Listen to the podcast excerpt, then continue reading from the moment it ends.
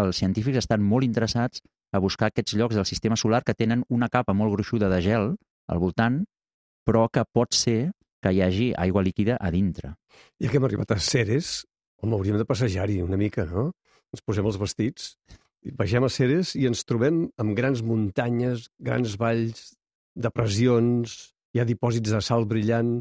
És un món molt curiós, no? És, realment és com una... No sé, jo m'imagino com un quadre o surrealista o d'un món oníric, no? Perquè és un món absolutament diferent del que nosaltres estem acostumats. No hi ha vegetació, per suposat. Eh, seria un món més semblant al que nosaltres aquí entenem per un desert, no? Perquè el, el que hi ha és unes estructures purament minerals, no? Hi ha pols, hi ha potser una mica d'argila, aquestes crostes salines que deuen brillar amb la llum del sol, m'imagino, eh?